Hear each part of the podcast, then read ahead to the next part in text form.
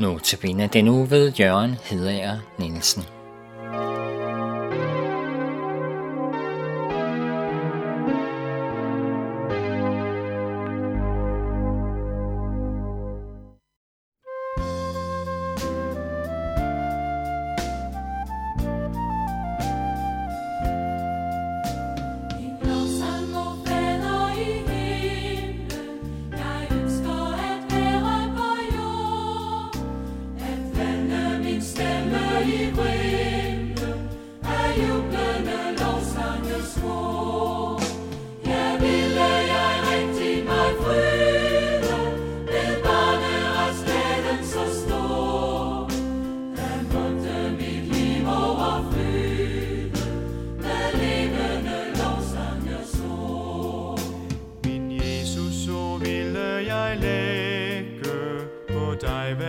Eneste sorg. Hver angst, der måtte mig skrække Der var jeg i tryggeste borg Jeg ville alt frygt jeg opgive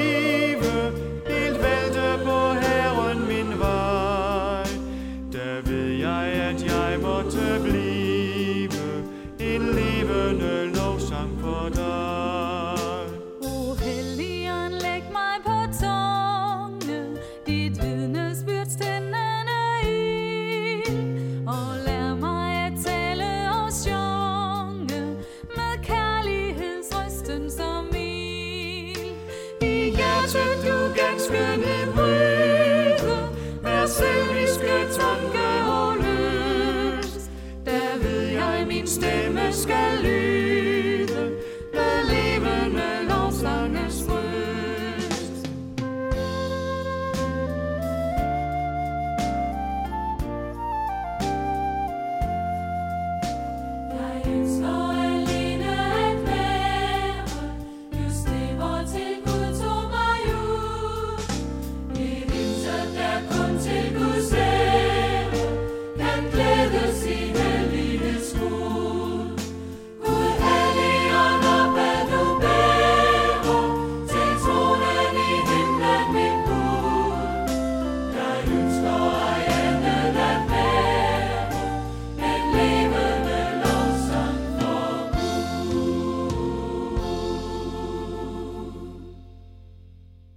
Som kristne har vi et herligt håb om fremtiden.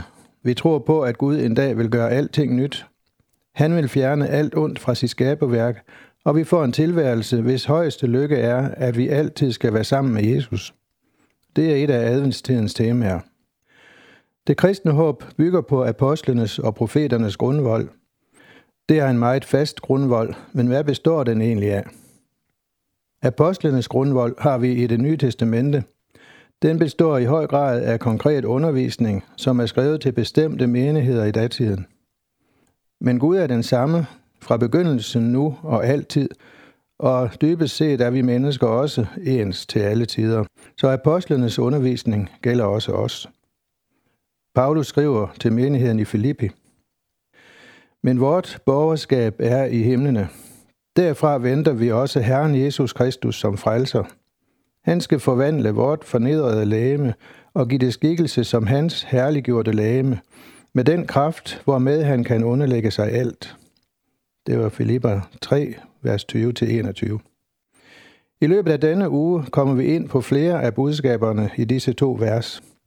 Lige nu kan vi godt konstatere, at Gud gennem sin apostel fortæller os, at vi har et borgerskab i himlene. Det hører vi mere om på lørdag, når vi skal kaste et blik ind i det nye Jerusalem. Herligheden begynder ved Jesu genkomst. På onsdag ser vi, hvorfor Jesus ikke er kommet igen endnu. Det er der faktisk en rigtig god grund til. Ved Jesu genkomst sker kødets opstandelse. Det betyder, at vores lægeme får skikkelse som Jesu herliggjorte lægeme. Det lægeme, han havde ved sin opstandelse påskemorgen. Og alt dette sker ved Guds kraft, som også holder os fast i troen i dag. Det er nødvendigt, at Gud holder os fast, for de antikristlige kræfter vil lokke os væk fra troen på frelseren. Det skal vi undersøge nærmere på torsdag. Det var apostlenes grundvold, men hvad med profeternes grundvold? Der er mange profetier i det nye testamente, men med dette udtryk skal vi tænke på det gamle testamentes profeter. Det var dem, der blandt meget andet profeterede om frelseren Messias, der skulle komme fra Gud. Gud havde på forhånd løftet sløret så meget for sine planer, at de skriftkloge i Jerusalem kunne fortælle vismændene fra Østen, at Messias skulle fødes i Bethlehem. Deres klogskab rakte desværre ikke til, at de rejste sig og fulgte med vismændene for at tilbede frelseren i Bethlehem.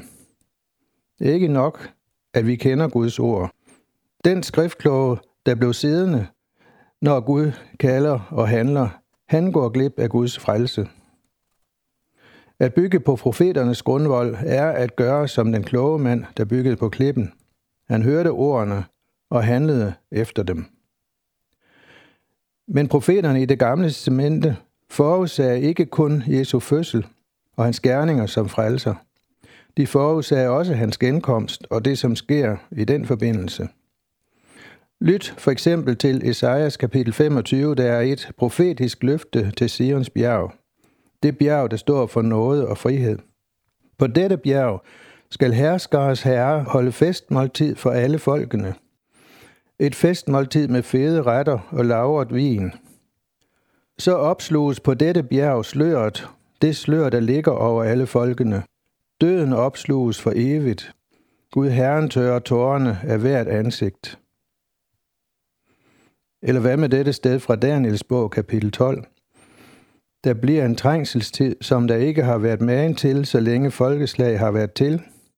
På den tid skal folk blive reddet, alle der er indskrevet i bogen. Mange af dem, der sover i jorden, skal vågne, nogen til evigt liv. Profetierne giver os håb, og i morgen ser vi nærmere på, hvordan vi skal læse profetierne i vores tid.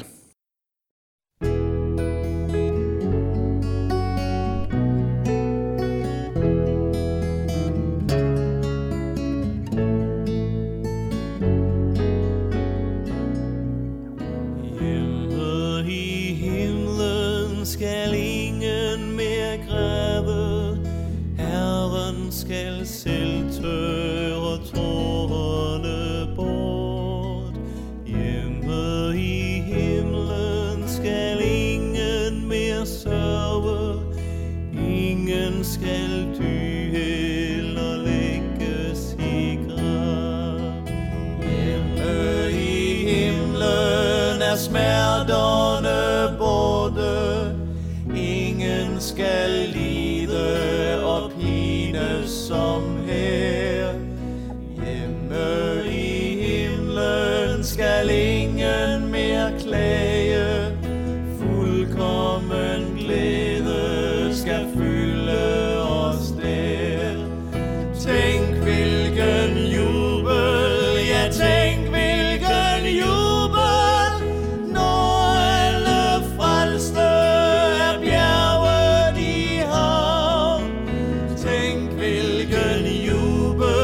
ja tænk hvilken jubel, lovsangens emne bliver frelserens navn.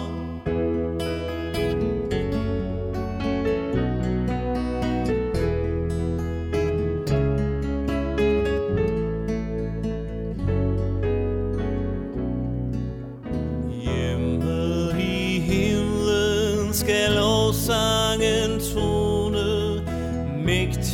som havet, når bølgen.